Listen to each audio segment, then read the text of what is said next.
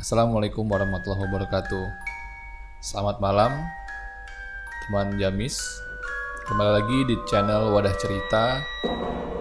Pada kesempatan hari ini, kita sudah memasuki episode ke 10 ya. Dan hari ini juga kita sudah kedatangan tamu yang akan membagikan pengalaman mistisnya. Kebetulan juga Doi ini temen gue waktu masih siaran di radio dan sempat ikut di beberapa agenda jamis, jalan-jalan mistis, juga pembawa acara di Mandiri Nightmare. Halo, selamat malam Kang Rija. Halo, selamat malam. Ini gue manggil Kang Rija apa Om Rija? Atau nama aslinya aja Fauji? Ah, boleh lah, bebas lah.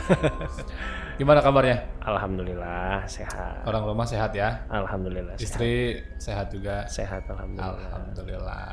Kesibukannya sekarang apa nih Kang Rija?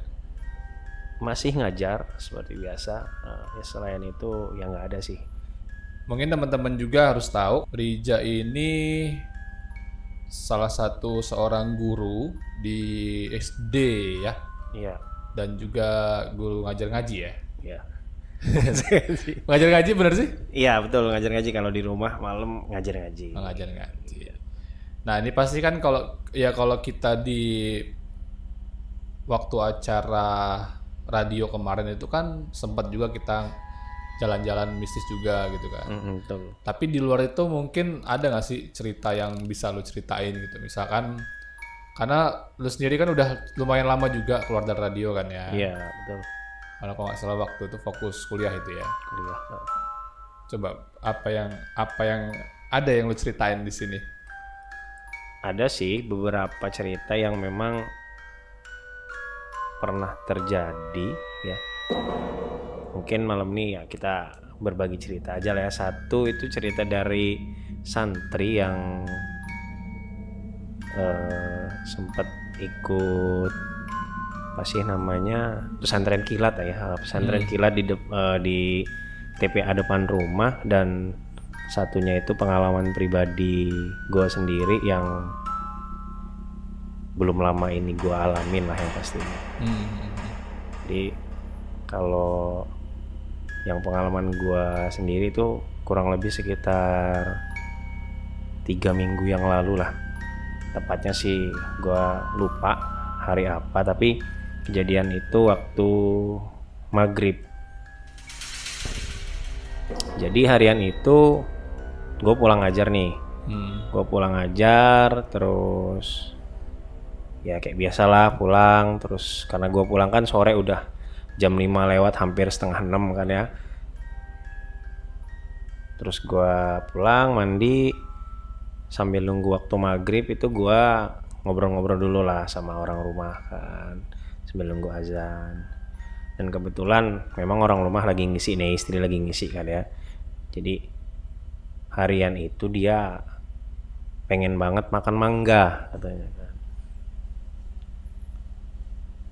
Rupanya sambil ngomong dia sudah chattingan lah WA-an sama kawan tempat dia ngajar juga yang kebetulan punya mangga Hmm. kan.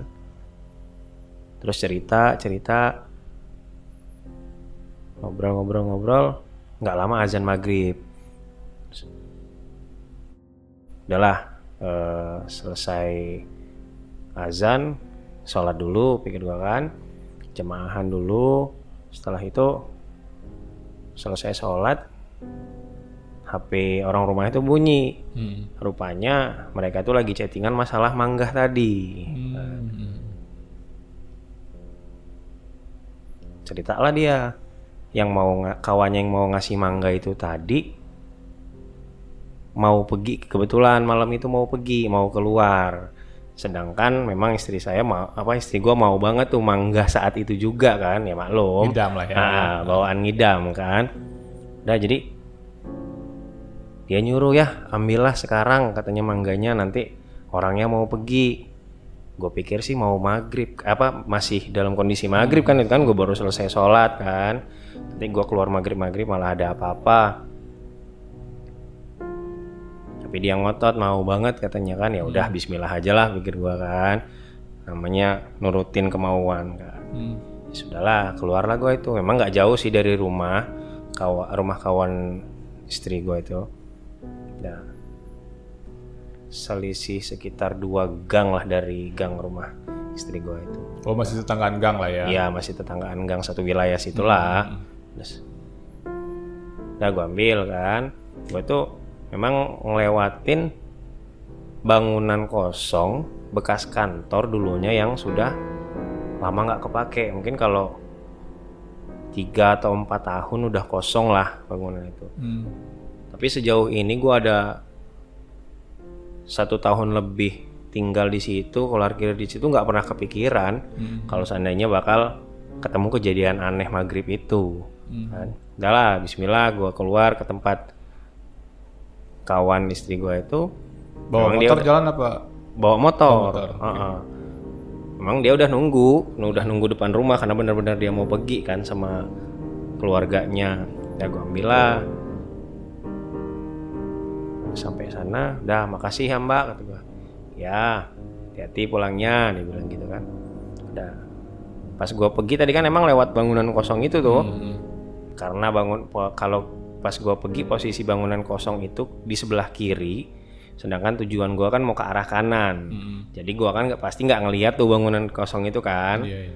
Nah, sedangkan nah, kalau pas posisi pulang, bangun, gua pasti ngelewatin bangunan itu yang searah pandangan gua. Hmm. Kan. Dah, lewatlah gua pas mau pulang.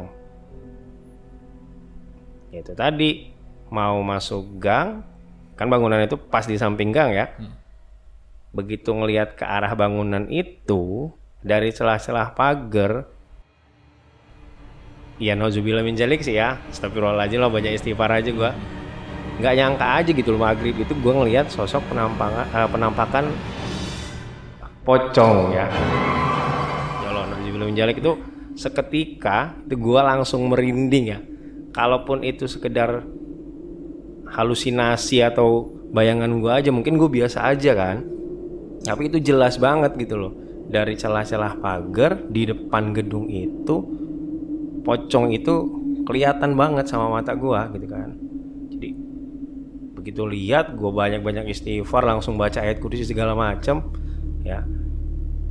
Ya sambil jalan menuju rumah. Emang nggak jauh sih jaraknya dari gedung kosong itu ke rumah istri gue itu nggak jauh memang. Paling kalau kita naik motor nggak sampai lima menit sampai gitu kan Terus ketika merinding emang gua jalan sendiri maghrib. Pikir gua kan orang rumah lagi ngisi. Ini mit amit ini kalau seandainya sampai dia ngikut ke rumah kan. Spion itu langsung gua setting langsung gua set ke arah belakang ya sampai gua nengok-nengok. Pikir gua kalau dia ngikut boncengan gua kan lain lagi ceritanya ini kan. Kalau juga minjali pikir gua sampai sepanjang perjalanan tuh pokoknya gua nggak berhenti baca ayat kursi istighfar segala macem lah. Memang nggak hilang itu merindingnya sampai depan rumah itu nggak hilang gua merindingnya. Sampai gua turun motor nggak turun motor sih karena posisi pagar emang nggak ketutup kan. Langsung gua masuk terus ya sudah alhamdulillahnya untungnya nggak ngikut atau nggak ada apa-apa gitu kan. Gua nggak gua nggak berani langsung masuk kamar itu kan atau langsung masuk rumah. Gua duduk dulu depan rumah gua baca-baca dulu segala macam adalah 2-3 menit gue duduk depan rumah dulu di teras rumah dulu kan walaupun memang kondisinya maghrib karena lebih fatal lagi kan kalau seandainya gue langsung masuk ke rumah kan. Duduk dulu habis itu gua pergi ke kamar mandi cuci-cuci dulu bahkan gua wudhu lagi baru gua masuk ke dalam kamar. Hmm. nah itulah memang mungkin salah satu apa ya kebiasa bukan kebiasaan sih dihindarilah rutinitas saat maghrib itu mungkin salah satu dampaknya itu Itu pas lo ngeliat sosok itu tatapan kalian atau dia yang lagi lo ngeliat pandangan dia nggak? Enggak. Itu enggak. enggak itu gua nggak ngeliat pandangan dia Belakangin lo atau arah lo? ke samping kayaknya dia tuh pasti bagian nyampingin gua gitu si dia tuh nyampingin gua kalau tatapan ya mungkin lain lagi juga ceritanya ya itu apa sih posisi gerimis apa maghrib itu gerimis apa terang biasa gitu? biasa itu maghrib biasa itu. Tapi udah agak gelap gitu ya? Heeh, karena kan kalau sekitar tiga minggu lah yang lalu itu kayaknya kita masih belum masuk musim penghujan kayaknya kan masih jarang kan hujan kan. Jadi udah gelap sih memang gang itu memang sepi ya. Kita maklum lah namanya kondisinya masih maghrib kan. Eh, jadi ya mungkin di balik pengalaman pribadi gua tadi pesan lah untuk eh, rekan-rekan pendengar kalau seandainya masih waktu-waktu maghrib gitu berhenti dulu keluar atau hindari dulu beraktivitas keluar rumah. Ya, karena memang ya gue juga sering sih orang orang tua gue ngomong jam sekian jam sekian itu nggak usah dulu lah keluar keluar diamlah dulu di rumah. Bahkan kalaupun mau keluar keluar rumah nanti habis-habis isa aja sekalian gitu kan menghindari kejadian-kejadian yang tidak diinginkan kebetulan juga apalagi kayak gua kan istri gua lagi ngisi jadi jadi pengalaman menyeramkan lah termasuknya bagi gua itu Terus kalau yang cerita santri lu tuh? Nah, kalau cerita santri gua ini kalau tadi kan di daerah tempat istri gua tuh, tempat mertua gua. Nah, kalau yang cerita santri gua ini kan di daerah rumah gua sendiri nih. Jadi mereka itu kan memang eh apa sih ngikut di rumah tahfiz gitu. Sambil pesantren kilat, sambil eh, belajar tentang Al-Qur'an, hafalan segala macam gitulah. Jadi eh, perlu gua sebut nggak nih kira-kira nama santrinya? Bebas. Bebas Kalau ya. dia nggak berani nggak apa-apa. Nah, jadi eh, jauh termasuknya santri itu eh, bisa kita bilang dari daerah Sumatera Selatan sana dia mau eh, nyantri sampai ke Lampung sini gitu loh kan. Itu dia nge- dia nge- nge- ngekos apa gimana tuh? Tadinya dia mondok di salah satu pondok yang ada di Lampung Utara ini, Oh, gitu kan, oke, sampai selesai tamat SMA, mungkin ya memang karena jiwanya sudah ke sana kan, jadi dia lanjut ke ikut pesantren kilat yang ada di dekat rumah gua itu tadi, Eh, namanya Asep, gitu kan. Eh, memang harian itu dia cerita, jadi tadi malam kak katanya. Luar biasa lah kejadian ini dia bilang gitu kan. Jadi selesai dia hafalan Quran setor ha- setor hafalan segala macam itu biasanya santri-santri itu kan sampai jam 11 malam baru beres kan baru selesai. Terus TPA di, di, di depan rumah gue itu kan tingkat dua ya. Ada yang di atasnya. Nah yang di bawah tempat mereka hafalan belajar ngaji dan segala macamnya di atas tempat mereka tidur.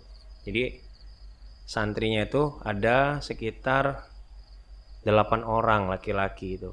Yang tiga udah lumayan besar lah udah udah tamat SMA yang lain masih SMP di harian itu selesai mereka hafalan belajar Quran dan segala macamnya naiklah mereka ke kamar di atas. Eh, mereka beberes segala macam kan? Karena istirahat lah karena mereka nanti jam 2 atau jam 3 sudah mau bangun lagi kan? Bangun malam. Yang kecil-kecil sudah pada tidur dia bilang itu kan. Yang kecil-kecil itu udah tidur kak. Jadi saya sama dua rekan saya masih ngobrol-ngobrol lah. Tapi yang dua ini memang sudah kelihatan ngantuk dia bilang gitu kan kebetulan dia tidur paling pinggir deket jendela. Terus ngobrol-ngobrol-ngobrol sampai jam hampir jam 12 dia bilang gitu kan. Yang dua sudah mulai kelihatan ngantuk dia bilang gitu kan. Jadi sudahlah dia sendiri yang masih belum tidur yang dua ternyata sudah tidur kawannya tadi. Terus dia bilang entah ngapa malam ini juga saya kok susah banget tidur. Dia bilang gitu. Biasanya saya kalau udah kerasa capek gini juga saya cepat kak tidurnya dia bilang gitu. Dia sudah. Dia masih ya mungkin guling kanan guling kiri masih belum bisa tidur gitu lah ya karena perasaan dia sendiri juga kali. Jadi begitu jam 12 lewat kata dia saya belum tidur kawan saya yang dua itu udah tidur jendela dekat pintu itu ada yang gedor.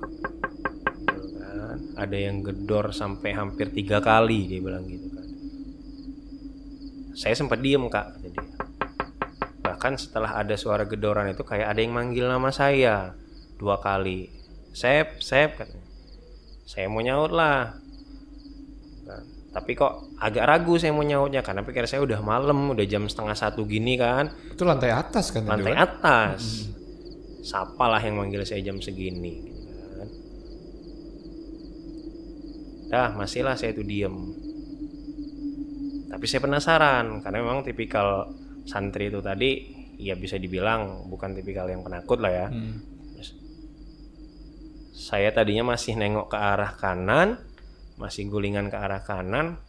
Jendela yang digedor itu tadi, itu di sebelah kiri saya. Dia bilang gitu kan. Saya tengok ke situ. Wah, ada penampakan mata kak merah itu di jendela itu. Ada penampakan mata merah ya.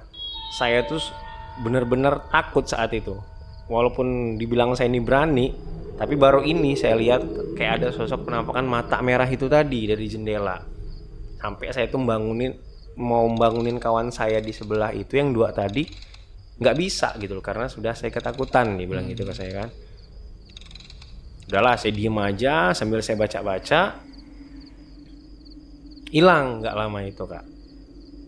Begitu hilang udah mulai berani lagi saya nih. Mulai muncul lagi kan keberanian saya kata dia yang tadinya sempat agak ngedrop kan. Bangunlah saya.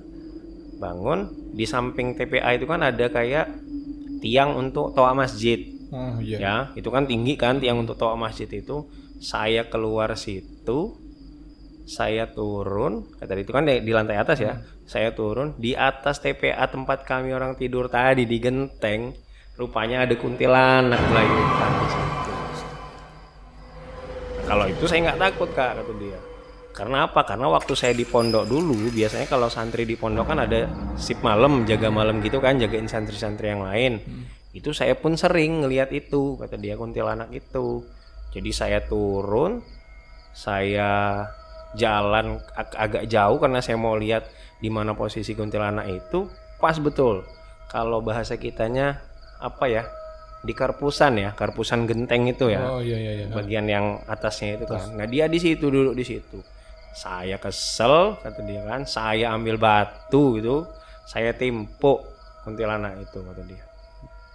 Terbang, terbang ke arah tiang untuk narok toa masjid tadi kan. Pas di samping TPA itu. Saya lari lagi ke arah situ. Saya naik tangga. Nah kalau sudah naik tangga posisinya kan antara tangga sama toa itu tinggi tangga itu kan sudah hampir setengah toa kan mesin apa tiang untuk toa itu tadi kan saya lihat dia masih gelantungan di situ kak kuntilanak itu dia bilang gitu kan terus masih itu saya liatin sambil saya baca-baca nggak lama ya udah terbang dia hilang nggak tahu ke mana udah setelah itu ya udahlah pikir saya udah lewat kok saya akhirnya masuk lagi ya saya istirahat Bisa tidur habis itu. bisa tidur habis itu Berarti emang gara-gara itu kali ya. Iya, mungkin dia gara-gara yang mata merah tadi sama kuntilanak itu. Tapi kemungkinan mata merah itu matanya kuntilanak bukan sih? Dia nggak jelasin sih kalau kalau gua rasa mungkin bukan Hmm. ya. Eh, kalau kuntilanak itu gua rasa memang dari dari yang ada mata merah itu dia sudah duduk di atas kerpusan itu tadi. Mungkin makhluk yang lain. kan. Karena itu sampai bisa bikin dia drop gitu ya. Iya, bikin dia kalau kuntilanak itu tadi kan dia waktu masih mondok pun ya dia sering lihat yang begituan saat dia jaga malam katanya sih malam. Cukup berani ya.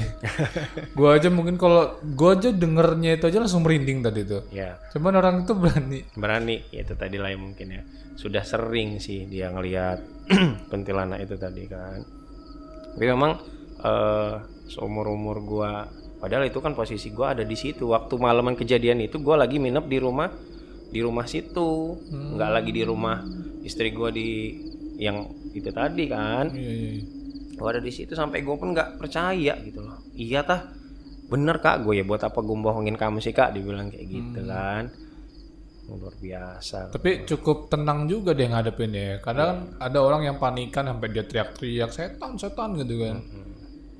Berarti bisa bangunin orang. Cuman dia uh apa ya jangan-jangan lulusan pondok itu kayak gitu semua. mungkin mentalnya sudah terlatih ya karena mereka juga mungkin punya ya begitu ngelihat makhluk-makhluk gitu mungkin hafalan-hafalan atau ayat-ayat yang mereka kuasai ya bisa menenangkan diri mereka sendiri lah minimal kan kalau kayak kita ya kalau nggak pingsan atau jerit-jerit mungkin gitu kan Benar benar benar benar. Oke, eh, Rija, thank you banget ya udah cerita pengalaman horornya. oke Tapi ya benar juga banyak pesan di situ kalau misalkan terutama yang maghrib tadi ya. Mm-mm. Kalau sudah maghrib ya teman-teman udahlah. Walaupun memang kalau misalkan kondisinya nggak begitu mendesak, ya udah di rumah aja lah ya. Sekali lagi terima kasih Rija untuk pengalamannya. Terima kasih teman-teman semuanya. Jangan lupa untuk like, subscribe, dan juga share. Sampai ketemu lagi di episode selanjutnya. Wassalamualaikum warahmatullahi wabarakatuh.